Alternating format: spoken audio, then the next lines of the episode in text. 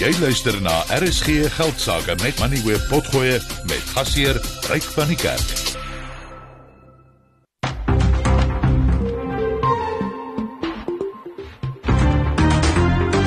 Jy luister na RSG Geldsaake met Ryk van die Kerk. Jou betroubare bron vir sake en beleggingsinsigte.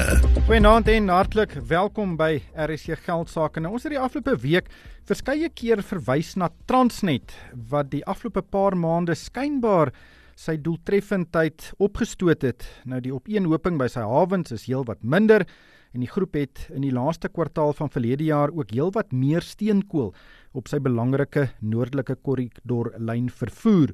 Nou dis goeie nuus van Transnet se operasionele ellende die afgelope jaar het ons ekonomie baie seer gemaak. Sommige ramings dui daarop dat dit ons eh, BBP sowat 5% gekos het en dit kom neer dat uh, ons BBP 400 miljard rand minder was as wat dit sou wees as Transnet op 6 silinders geloop het en ek gaan met Andrew Shaw gesels, hy is die hoofstrategie en beplanningsbeampte by Transnet. Dan gaan ons ook kyk na 'n tendens waar buitelandse maatskappye van ons plaaslike maatskappye opraap Nou natuurlik uh, verwys ons na ehm um, Kanaal Plu wat vir MultiChoice wil koop. Dis 'n groot transaksie daardie. Daar gaan seker nog baie water onder die brug moet deurloop voor dit gebeur, maar daar was baie ander ook. PepsiCo het Pioneer Foods vir 24 miljard rand gekoop. Heineken het Destel vir 40 miljard gekoop. DP World het 13 miljard gehoes vir Imperial Logistics. Uh en dan ook ehm um, Arda het uh, die glasgroep Consol nie lank gelede nie gekoop nie. So dis interessante tendens en ek gaan met Hannes van der Berg van 91 daaroor gesels. Ons gaan nou kyk wat het uh, vandag gebeur op die mynbou in Daba. Ek gaan met Teens Elers van Absa daaroor gesels en dan ook soos op elke Woensdag gaan kyk ons na kripto sake en ek gesels met Marius Ryds van Loonhou oor wat die afgelope maand gebeur het sedert die eerste 11 Bitcoin gekoppelde beursverhandelde fondse op die Nasdaq genoteer het. Ons gaan 'n bietjie gesels oor hoeveel geld het soontoe gegroei. Gevloei. Maar uh, Henko Kreer is op die lyn. Henko, kom ons gesels uh, oor die markte. Uh want en hierdie insetsel word geborg deur Finbond Groep Beperk. Kontak hulle op 0860442211 Finbond Groep Beperk. Henko, dit lyk vir my of ons 'n sterk Amerikaanse dag het uh met die S&P 500 wat so op die randjie van nog 'n rekordhoogtepunt is hier op 5000 punte. Ja, Ryk, jy's heeltemal reg. Goeienaand aan jou en goeienaand aan elke luisteraar. Ja, Amerikaanse markte lekker hoog en in die groen um, op hierdie oomblik met die Dow Jones tans 0,5% stewiger. Die S&P 500 is nou 0,8% hoër en die Nasdaq is sommer 1% stewiger. Europese beurse het in die rooi gesluit met die FTSE 100, die Duitse DAX en die Franse CAC 40 elkeen 0,5% laer en die JSE het ook ongelukkig vandag laer gesluit 0,3% af en sluit op 74313 punte. Die Hulbron indeks was 1.5% swakker. Die finansiële indeks sluit 0,6% laer, maar die nywerheidsindeks het vandag 0,5% hoër gesluit. IBM het 'n goeie dag gehad en vandag 5% gewen. Naspers en Prosus was elkeen 1.5% hoër en Richmond het 0,6% stewiger gesluit. Maar Standard Bank, Glencore en First Rand het elkeen met 2% teruggesak en Anglo het 'n bietjie meer verloor as dit. Anglo het vandag 3,1% laer gesluit. Maar dan nou weer terug by die positiewe en die goeie nuus, MultiChoice te beter dag gehad. Vandag 5% gewen. Pick n Pay het 4% stewiger gesluit. Ons sien ook Self32, Motus en Supergroup het elkeen 2% gewen. Dan weer aan die negatiewe kant het Itel Tile en Sibanye Stillwater vandag elkeen 4% laer gesluit. Spar, Afrimat en Sappi het elkeen 3% verloor en Mass en Bidcorp sluit elkeen 2% swakker. Op die kommoditeitsmark is die goudprys nou 2040 dollar per fyn ons. Platinum is 880 dollar en palladium 922 dollar per fyn ons. Brent olie verhandel teen 78 dollar 80 sent per vat en as ons oorbeweeg na die wisselkoers nou R18.92 teenoor die Amerikaanse dollar R23.90 teenoor die Britse pond, R20.36 teenoor die euro en R12.34 teenoor die Australiese dollar. 'n Bitcoin verhandel nou teen 43100 dollar en dit is R829000. Dan heel laaste die plaaslike staatseffekte die R186 verhandel teen 8,7% en die R209 verhandel nou teen 11,7%. Henko baie dankie. Johan Gous is hoof van adviesdienste by Sas van Wealth. Hy sit hier langs my in die ateljee. Naand sê Johan, ek kyk na hier uh S&P 500 wat nou op die rand van 5000 punte staan. Nou die 5000 punte is seker akademies, um, maar dit sal 'n nuwe rekord hoogtepunt wees. Uh, die indeks het die afgelope paar maande gereeld nuwe rekord hoogtepunte bereik, maar as mense nou 'n bietjie verder delf, wys dit net hoe goed het Amerikaanse markte die afgelope jaar gevaar. Goeienaand Ryk, dit is amper asof 'n mens in twee verskillende heelals is as jy kyk na waar die Suid-Afrikaanse beurs is en waar die Amerikaanse beurs is. Jy weet as jy gaan kyk ehm um, die S&P net vir vanjaar, die S&P 500 in randterme is nou al so 8% op, die JSE is amper 3.5% af.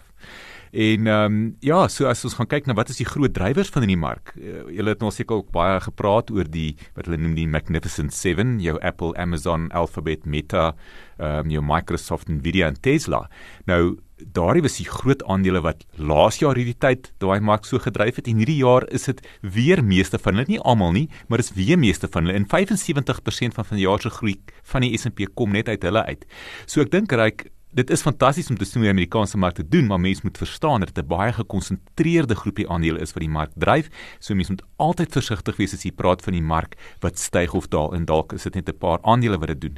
Maar uh, ryk as ons net gaan kyk, daar is momentum in hierdie mark op die oomblik. As jy die die S&P 500, die maatskappye wat nou hulle verdienste ehm um, uh basies aangekondig het vir die jaar, mees helfte van die maatskappye het dit nou al gedoen en 85% van hulle het hulle verwagte winste eh, weet beter gedoen as as as wat verwag is. En so, Meta was een van hulle en Meta wat een van die grootste hmm. maatskappye is, deel van hierdie wonderlike sewe waarna jy nou verwys het en die aandelepryse het hmm. op eendag met 20% gespring Stuk, en ja. as jy van jou grootste maatskappye dit doen, dan is daar seker 'n bietjie uh opgewondenheid in die mark oor ander maatskappye wat hulle kan nadoen. Dit is so en dan begin jy te dink maar weet ek kan ek sonder hierdie aandeel in my portefeulje wees. So dit is 'n moeilike situasie en ek ek dink so so die momentum is daar, maar ons moet verstaan dat die ekonomiese groei gaan begin verder afplat in hierdie jaar. Ehm um, soos wat die hoë rentekoerse uiteindelik 'n effek gaan begin hê, ons in geval steeds wil sien inflasie kom af en dan gaan die verdienste begin afneem. So waardasie vlakke kan eintlik nog hoër gaan as gevolg van verdienste wat afneem eerder as wat die aandele noodwendig opgaan. En ehm um, ek dink dan is dit waar hierdie daling in rentekoerse koerse dan belangrik gaan word en wanneer dit gaan gebeur en hoe vinnig dit gaan gebeur in Amerika. Kom Johan sê vir ons, is Meta, Alphabet, Tesla, uh, Nvidia, Netflix is dit in jou portefeulje? Ek glo my portefeuljebestuurder het hulle in my portefeulje ryk. Ja, komende van uh, iemand wat in daai bedryf werk, ek is seker dit is daar jou meeste van die internasionale indekse het groot blootstelling daaraan, maar nog groot nuus vandag is ehm um, Vodacom versus uh in Kosana Makate. Ons het gisteraan daaroor gepraat. Hy is die persoon wat uh, die Please Call Me diens by Vodacom uitgedink het en hy soek baie geld by Vodacom en die Appelhof het gister vir hom gelyk gegee en gesê Vodacom het weer gaan somme maak en hierdie somme gaan meebring dat hy miljarde rande kan verdien en Vodacom het vandag gesê nee ons gaan doen wat alle mense in Suid-Afrika doen. As jy 'n saak verloor is, jy appeleer. Hulle gaan nou na die konstitusionele hof toe appeleer. En Ryk, dis die tweede keer wat die konstitusionele hof nou weer sê oor gaan met hierdie hierdie saak kom nou al van 2008 af. En ja, daar's nou vandag basies gesê, ehm um, jy weet dat eh uh, Vodacom moet ehm um, weer teruggaan na die uh, bord toe en hulle moet binne 'n maand moet hulle met 'n alternatiewe voorstel kom in terme van wat hulle gaan betaal. Die aanvanklike aanbod van 47 miljoen rand is volgens die appelhof nie uh, redelik gewees nie. So Die feit is dat hierdie diens is nou al van Maart 2001 af beskikbaar gemaak. So die vergoeding moet nou wees van tipies van Maart 2001 tot waar ons nou basies is. En daar die appelhof het gesê dat meneer Makate moet sowat 5 tot 7.5% van die inkomste wat Vodacom uit hierdie diens gegenereer het oor hierdie 18 jaar periode betaal plus nog 5% rente daar uh, daar ook uh, daarop ook ehm um, vir die tydwaarde van geld effek. En ehm um, die algemene gevoel in die mark is dat dat Vodacom met hulle saak nie sterk baie sterk gestel nie. Hulle het een of twee tegniese punte gemis wat die saak baie beter kon gemaak het. Nou kyk, meneer Makate het al voorheen gesê dat hierdie diens behoort Vodacom so 70 miljard rand se inkomste al gegee het. Nou gaan ons weer terug na 2016 waar die konstitusionele konstitusionele hof die eerste keer 'n uitspraak hieroor gegee het en nou draai ons weer daar. Johan, baie dankie. Die insetsel is geborg deur Finbond Groep Beperk. Kontak hulle op 0860442211 Finbond Groep Beperk. Finbond Groep Beperk bied 'n gewaarborgde opbrengs op vaste termynbeleggings. Verdien 11% nominale rente per jaar op 'n 5-jaar termynbelegging van 1 miljoen rand of meer. Geen inisiasie of administrasie fooie word gehef nie en rente kan uitbetaal of gekapitaliseer word. Belastingvoordeel is gekoppel aan ouderdom. SMS RSG na 30635 of e-pos deposito by finbond.co.za. Finbond Groep Beperk, jou bondgenoot deur dik en dun. Vir die belangrikste sake nuus skakel in op RSG Geldsaake. Transnet se bedryfselende het die Suid-Afrikaanse ekonomie aansienlike skade berokken met sommige ramings wat daarop dui dat die probleme by sy hawens en spoorbedrywighede sowat 5% van die land se BBP in 2023 geskaaf het en dit kom neer op 'n astronomiese 400 miljard rand. Dit wil egter voorkom asof Transnet se doeltreffendheid verbeter het sedert Michelle Phillips in November verlede jaar as waarnemende uitvoerende hoof aangestel is. Opeenhoping by verskeie hawens het verminder en dit lyk ook of die spoorbedrywighede beter vaar. In die Desember kwartaal het die steenkooluitvoer langs die noordelike korridor na die Richards Bay steenkoolterminaal met meer as 10% toegeneem. Nou hierdie lyn is baie belangrik want dit is verantwoordelik vir 41% van die vrag wat Transnet per spoor vervoer. Andrew Shaw is nou op die lyn. Hy is die hoofstrategie en beplanningsbeampte by Transnet. Hy is al byna 4 jaar lank in hierdie rol. Voor hy na Transnet geskuif het, was hy 'n vernoot by PwC en die leier van hierdie groep se afdeling vir kapitale projekte en infrastruktuur, vervoer en logistiek. Andrew, thank you so much for your time. Just give us your assessment of the current efficiency levels at Transnet's primary operations. I think from our standpoint, we still probably seem to have a long way to go. But what we do feel is that we've turned the corner in terms of a very, very substantial focus on recovery in the last five to six months. And that is with, given the conditions that we have on the network, which are still challenging, and given the challenges we still have around equipment, rolling stock, and crane equipment, I think it's just a drive to improve the basics of how we operate the business, how we drive out volumes, how we focus on performance has had this impact where we are seen to at least be making a more positive change. Still a long way to go. During previous discussions about Transnet, it was suggested that most of the problems, or a significant part thereof, was infrastructure. There are a number of trains which are not operational due to spare parts not being available also infrastructure challenges at the ports. But if you want to have a short term improvement in efficiency levels, you know, it comes down to people being more efficient. Was that a core focus to try and get the Transnet workforce to be more efficient? It has been a core focus, as has been working through the NLCC structures and with the private sector. Where we've had challenges with procurement, we've really drawn in some of our big customer groupings RBCT is a really good example, and they've helped us to fast track the procurement of certain items that would normally have taken a little bit longer. So that has helped. And then, as you said, a focus on just the process and the people side of the business.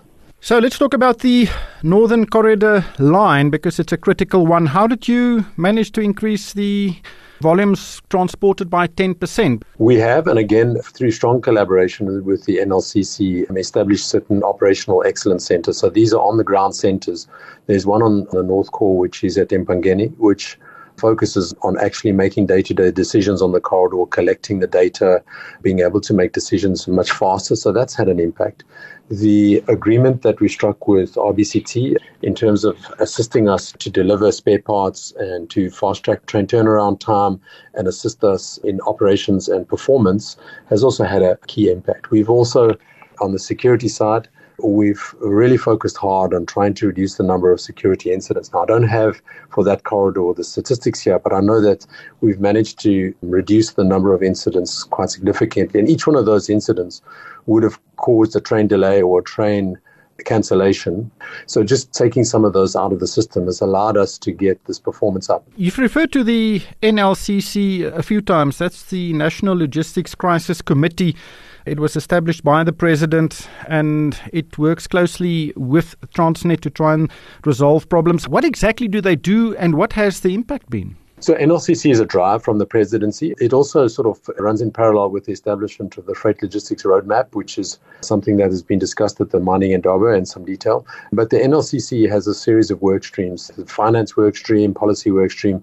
The critical one in this case is the operations work stream. And through the operations work stream, we've worked very closely with B4SA as well as the other customers. So where we can get customer alignment and they can actually support improving that supply chain because the supply chain includes the customers in all instances, you know, their loading points, um, as well as their support for procurement and operations reform.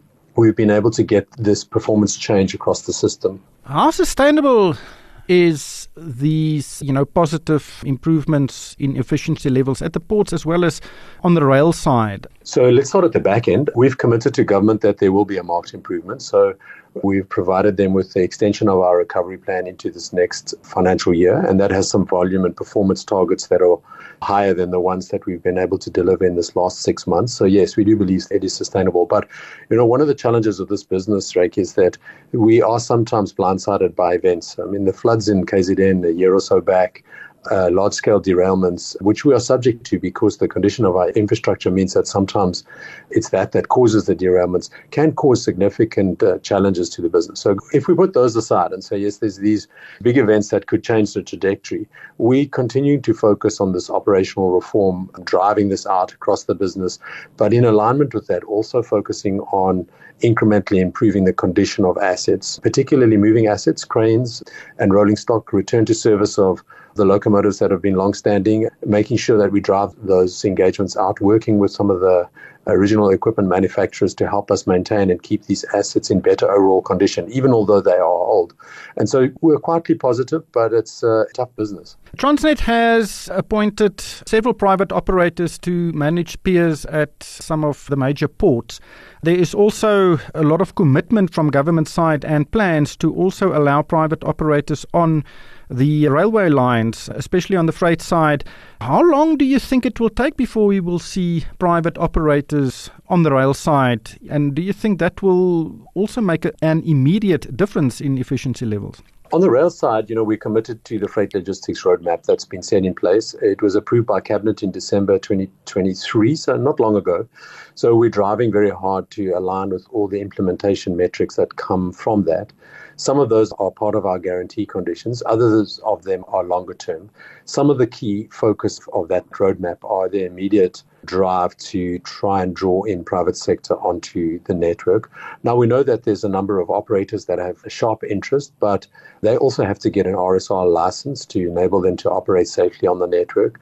And we have to go through a process of separating the infrastructure from the operations and then creating a network statement and then also getting clarity on pricing, which is through the regulator. So there's an interim regulator called IRAC at the Department of Transport. And once those things are closed, then we're very clear that we would welcome private sector operators on the network. I think what people seldom realize is that if we draw some of these operators in and they pay a track access charge to our infrastructure manager, we actually get the revenue stream from that. So Transnet actually will benefit from having additional operators on the system moving more volume. But are we talking months? Are we talking years? Are we talking decades?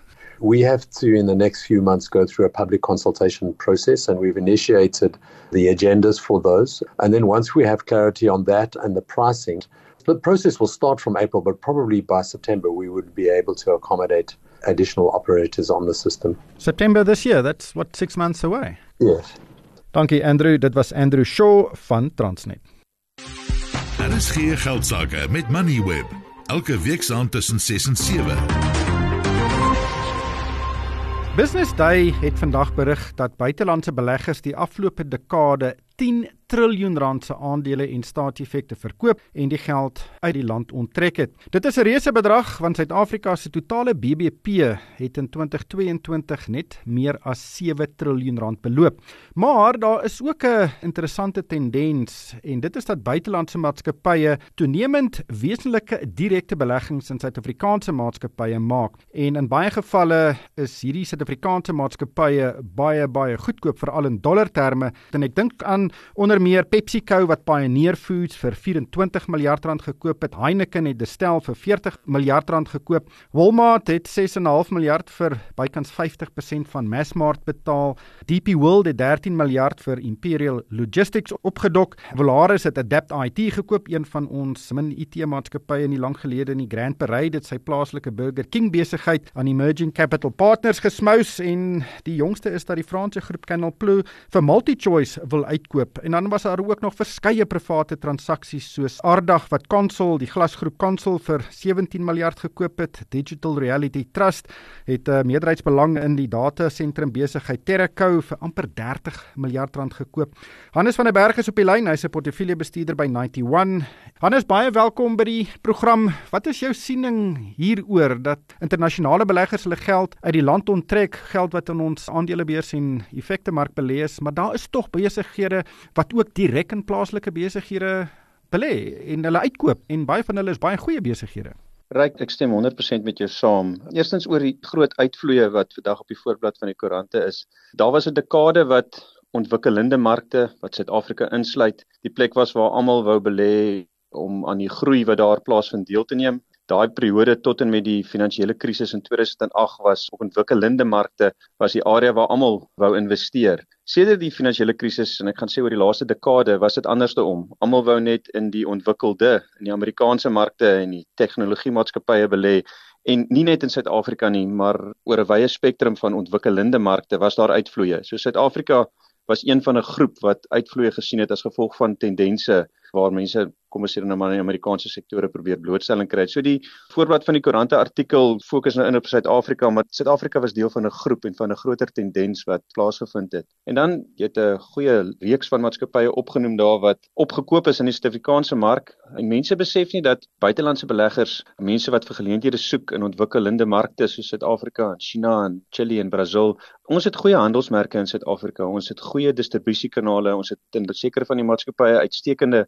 infrastruktuur en bestuurspanne wat daarmee saamgaan. So van daardie maatskappye wat opgekoop is, het strategies sin gemaak. Jy het nou genoem dat die mees onlangse een is waar mense ook na MultiChoice wil kyk. Die infrastruktuur, die handelsmerke, nie soseer in Suid-Afrika alleen nie, maar ook in die res van Afrika is iets wat vir globale beleggers en globale maatskappye baie sin maak om dan aan blootstelling te kry. Ons beurs op die oomblik is in wêreldterme eintlik spot goedkoop. Ons rand is ook baie swak, so ek neem aan die waardasies van plaaslike maatskappye in buitelandse geldeenhede uit daardie perspektief is baie baie goedkoop. Verwag jy dat ons dalk in die huidige omgewing verdere transaksies kan sien?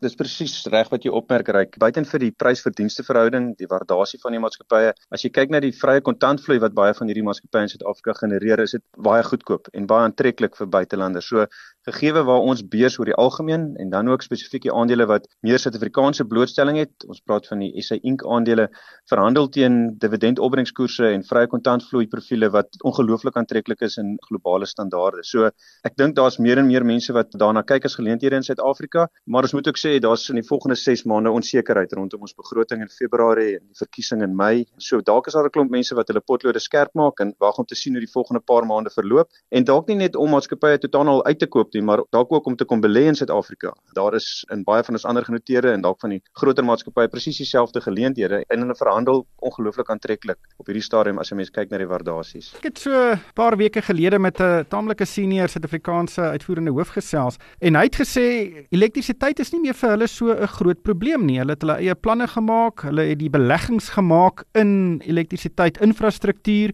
en selfs al kom Eskom reg op 'n manier en daar is weer genoeg elektrisiteit beskikbaar sodat beerkrag nou agter die rug is, het hulle nou 'n infrastruktuur wat hulle nog vir 20, 30 jaar lank van elektrisiteit sal voorsien. So hulle het plan gemaak. Natuurlik het daardie belegging geleentheidskoste gehad want hulle het dit nie in die besigheid self belê nie. So dit beteken dat baie maatskappye is nou gerad om weer in hulle eie besighede te belê en dit natuurlik kan tot groei lei. Is dit iets wat jy dink 'n oorweging is? Ons is van die opinie dat die ergste is agter ons om verskeie redes. Een, soos jy genoem het, maatskappye het beter voorsiening gemaak so die persentasie van hulle onderliggende besighede wat nou beerdkrag kan oorbrug omdat hulle batterye het en hulle eie generasie kan doen gedurende daardie periode is 'n baie hoë persentasie van die maatskappye was net halfpad of 60-70% gedek en baie van hulle staan nou al nader aan 90% of ten volle gedek dat hulle kan voortgaan. Dis moeiliker in die mynbou omgewing, dis baie meer elektrisiteit intensief, so dis moeiliker om dit net te oorbrug, maar die beplanning rondom dit kan gedoen word word.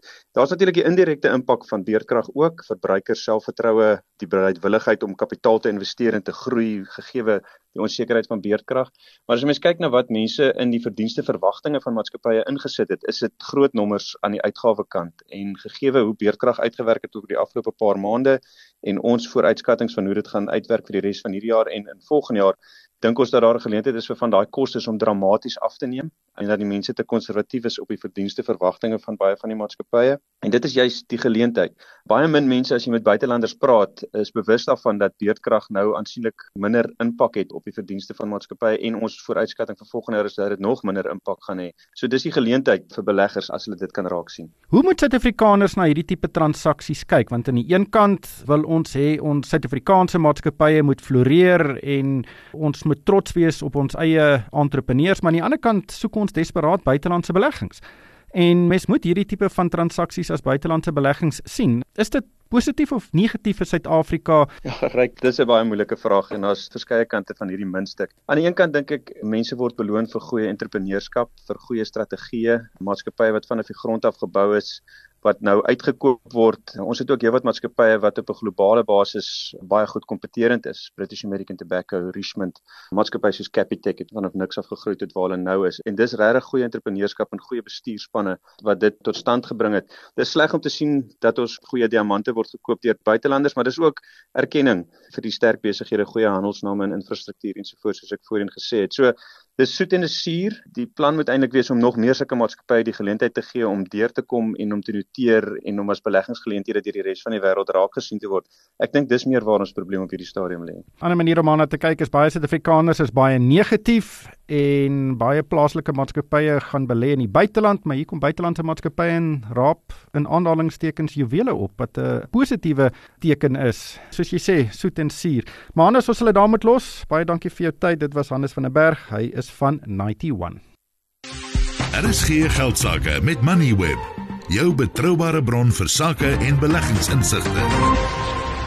Die mynbou Indaba het maandag afgeskop en meer as 8000 afgevaardigdes van 126 lande het op Kaapstad toegesak om oor mynbougeleenthede en uitdagings in Suid-Afrika en die res van die vasteland te gesels.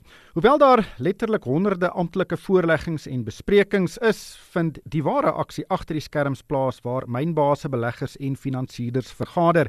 Teens Elers is op die lyn. Hy is van Absa Koöperatiewe en Beleggingsbank en hy's die hoof van hulpbronne en projekfinansiering. Teens baie welkom by die program. Jy woon nou al vir baie jare die mynbou in Daba by. Hoe verskil hierdie ene van die voriges? Is daar daar 'n merkbare verskille?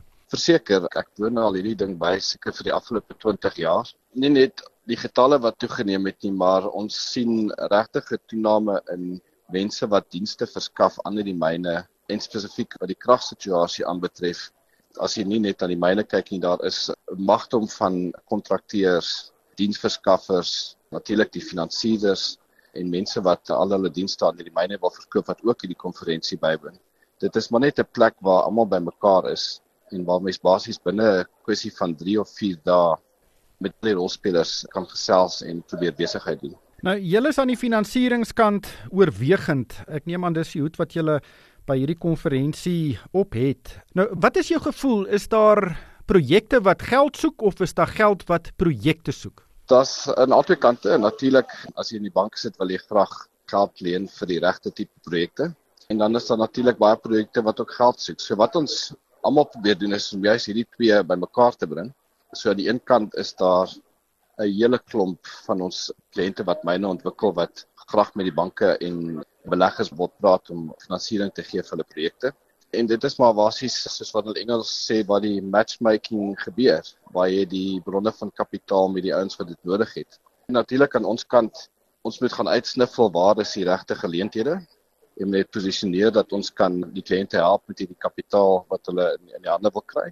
So wat ons ook as 'n bank doen, is nie net om te kyk na skuldfinansiering nie, maar ook om te kyk van as hulle ekwiteitskapitaal nodig het, hoe kan ons die verskaffers van daai kapitaal bymekaar kry om hierdie mense te help? Daar's natuurlik baie soos ons in Engels sê due diligence wat moet gedoen word voordat jy by 'n finansierbare projek is en dit is ook waar die die banke groot rol speel om te help om hulle projekte regte package sodat dit gaan aanvaarbaar wees vir die beleggers.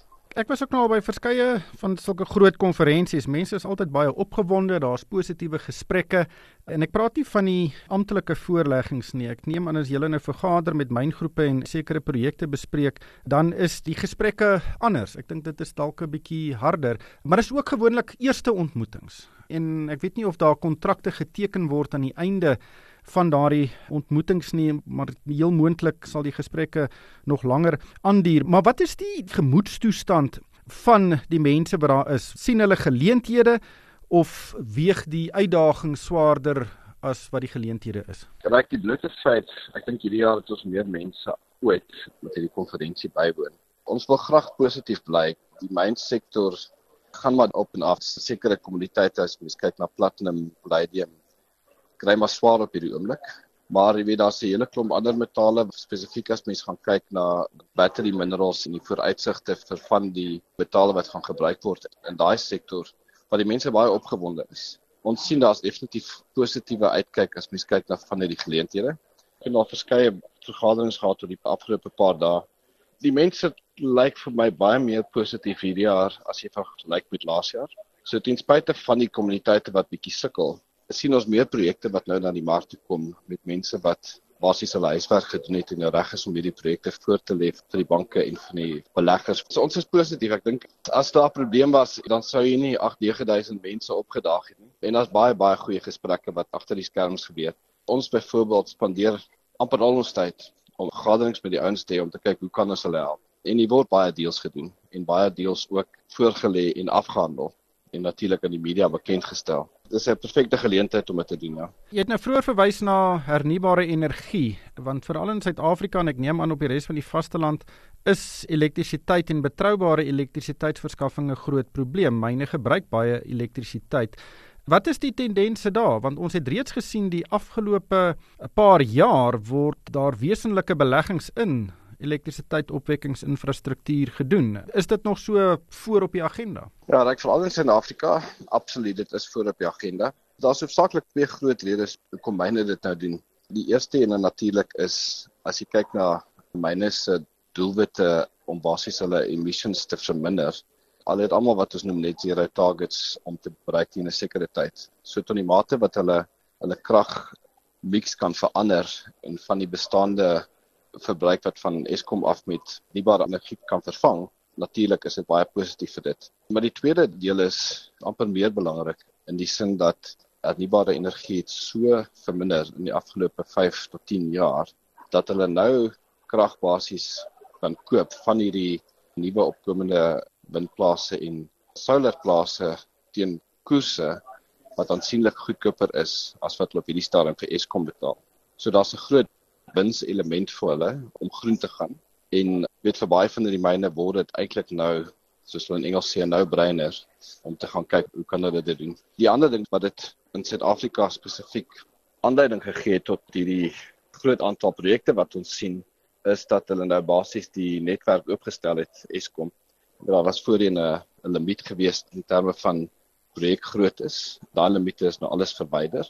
So daar's nou baie groot projekte wat gebou kan word om basies op 'n captive basis vir myne en groot kraggebruikers krag te gee. Soos dit staan, ons glo as jy kyk oor die volgende 5 jaar gaan daar meer van hierdie wat ons noem captive kragprojekte gedoen word as wat in die offisiële Eskom procurement proses gaan gebeur. So dit is 'n baie baie interessante area. Dit is goed vir die ekonomie. Daar word nuwe kragstasies gebou. Dit is goed vir nasionale tesorie en vir Eskom want hulle hoef nie die betalings onder hierdie ooreenkomste te waarborg nie. En dit is natuurlik goed vir die myne want hulle kry goedkoop krag. Tiens, dankie vir jou tyd. Dit was Tiens Elers. Hy is van Absa Koöperatiewe en Beleggingsbank. Besoek RSG Geldsaake se Facebookblad en kom ons gesels. Hierdie insetsel word aan jou gebring deur Edgewos. Dr Rian Steenberg is nou op die lyn. Hy is die bedryfsdirekteur van die NetEd groep en dit is die Afrika opvoedingsplatform wat Edgewos, die Stellenbosch Sake Instituut en die Da Vinci Sake Skool inkorporeer. Rian, baie welkom by die program. Vertel ons eerstens van Edgewos. Wat behels dit alles? Edgewos is 'n privaat hoër onderwysverskaffer in Suid-Afrika en ons bied 'n hoë kwaliteit diens aan. Ons fokus op bekostigbare tersiêre onderrig en ons het 12 kampusse landwyd. Ons is gesetel in meeste van die groot sentra in die land, so ons het in meeste provinsies 'n tak. Ek dink by Edgewos verstaan ons dat elke student uniek is en dit is ons verantwoordelikheid om al ons studente op die beste moontlike kennis, vaardighede en grondslag te voorsien om hulle gemeenskappe in die dinamiese wêreld van werk te floreer. Watter tipe kursusse word daar aangebied? Ons bied meer as 20 geakkrediteerde kwalifikasies aan wat internasionaal erken word en ons het vier fakulteite, naamlik toegepaste wetenskappe, handels- en regstudies, geesteswetenskappe en inligtingstegnologie. En ons het grade, honeursgrade, hoër sertifikate en voorgraadse toegangsprogramme en aanlyn kortkursusse almal gefokus om professionele mense te kwalifiseer. Wat is Eduvos se vlaggenskap program? Ons het definitief begin met inligtingstegnologie, maar interessant genoeg wat ons tans vind is dat die biomediese wetenskappe is waar ons die grootste groei het. So dit is definitief dat daar 'n groot skuif, maar ook ons het baie groot regsfakulteit en dit groei daagliks. Ek dink ons het tans meer as 1000 regstudente. En hoe pas Eduvos in die groter hoër onderwysmark in Suid-Afrika in? Ek dink ons almal weet dat die hoër onderwysstelsel in Suid-Afrika is onder druk om meer plasings oop te maak. Vir ons as 'n privaat verskaffer is ons nogal trots op ons toekomsbestendige kwalifikasies en dat ons baie geleenthede het vir mense om by ons te studeer. Ons het ongeveer 12000 studente per jaar en hierdie jaar word ons vir 15 16000 beëindig. Want ons het personeel wat regtig gefokus is op 'n groei gedagtegang ons werk baie met moderne tegnologie, innovasies en verandering in die professionele en akademiese landskap om ons studente beter toe te rus vir die vaardigheid en kennis wat nodig is om te floreer in die huidige en toekomstige werksomgewing. Ek dink ons het ook baie van die fokus op die vierde industriële revolusie. Ons bring kunsmatige intelligensie gaan ons in en ons bring dit in vennootskap met groot internasionale maatskappye waar ons help om leerders regtig die geleentheid te gee om te verstaan waar die toekoms oor gaan en hoe hulle daarin gaan moet floreer. Een van die groot probleme by tersiêre onderrig in Suid-Afrika is die koste. Dit is geweldig duur vir meeste mense in Suid-Afrika om 'n professionele kwalifikasie te verwerf.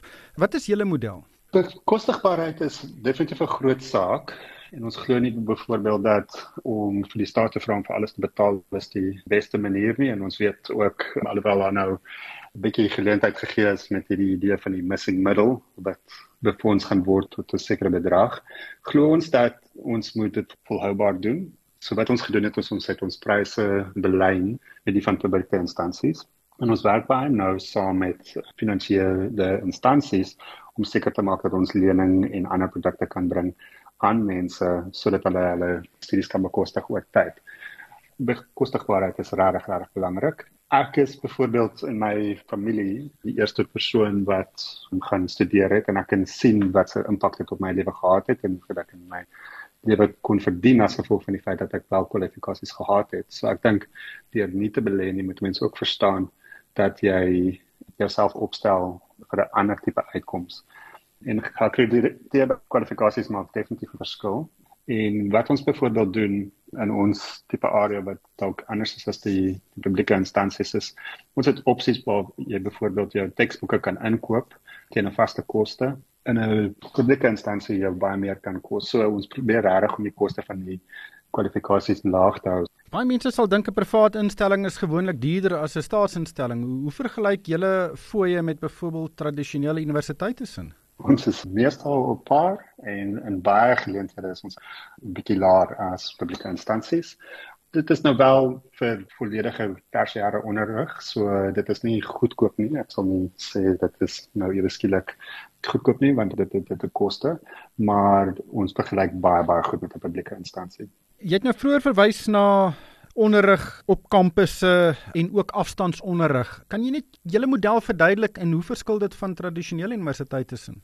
Interessant genoeg, ek hoor dat baie van die publieke instansies wil jou nou nie meer op kampus hê nie. So hulle sê dit eendag vir jou, jy mag nie vir die eerste jaar daar wees nie of jy mag nie in die tweede of derde jaar terugkom na kampus toe nie want hulle het spasie nodig.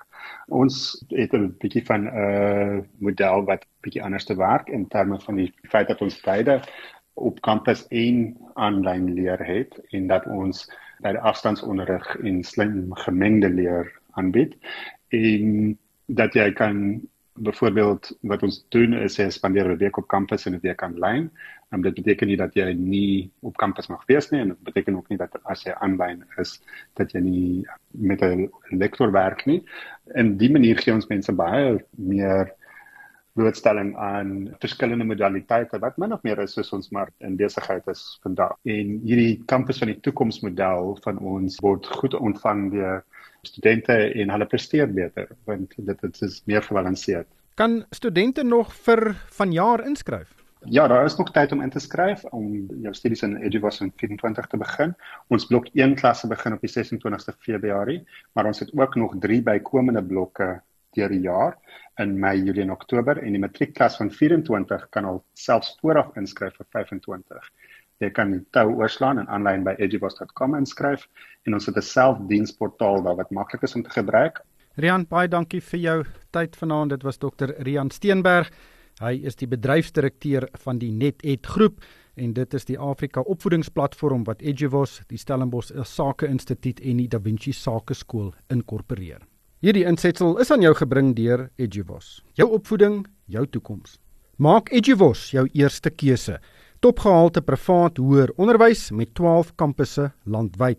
Meer as 20 geakkrediteerde kwalifikasies wat internasionaal erken word in die fakulteite toegepaste wetenskap, handel en regte, geesteswetenskappe en inligtingstegnologie.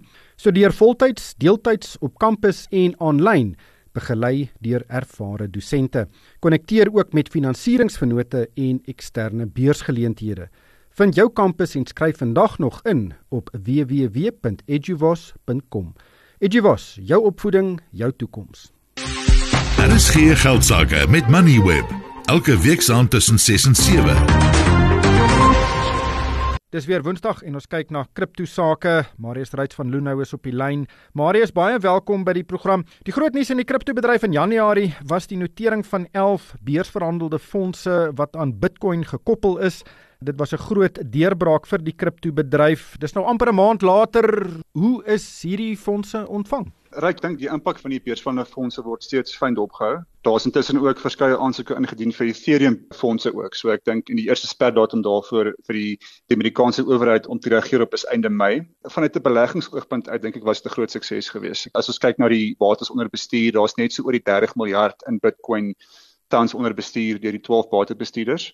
En as ons kyk na die batebestuurders, Grayscale het 20.5 miljard onder bestuur, BlackRock en Fidelity beide meer as 2.5 miljard. Dis miljard dollar. Dollar, ja. En as ons in konteks sit reik, die Bitcoin beurs van hulle fondse wat genoteer is en verhandel in die FSA is tans die tweede grootste kommoditeitsbeurs van hulle fonds in die FSA na goud en dit het silwer verbygesteek. So in totaal is die markkapitalisasie so net oor die 30 miljard dollar teenoor goudsin wat rondom 90 miljard is en silwer wat rondom 11 miljard is. So Bitcoin is tans die tweede grootste kommoditeitsbeurs van 'n fonds in die FSA wat ek dink groot is in opsigself.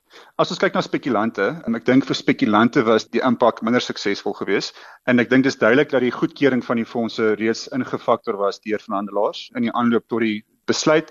Ek dink dit wys in Bitcoin se loopie van die afgelope 12 maande. Bitcoin het 88% groei getoon in die laaste 12 maande.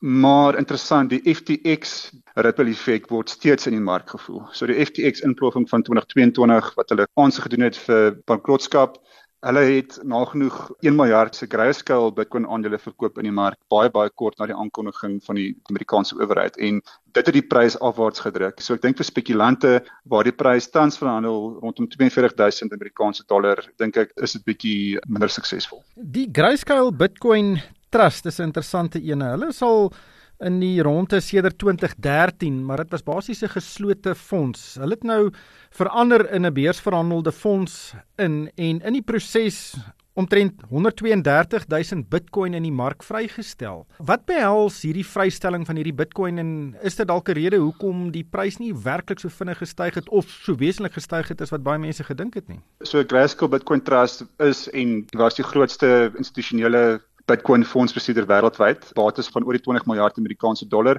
Hulle bied ook soortgelyke trusts vir ander kriptogeldeenhede, maar Bitcoin was die grootste.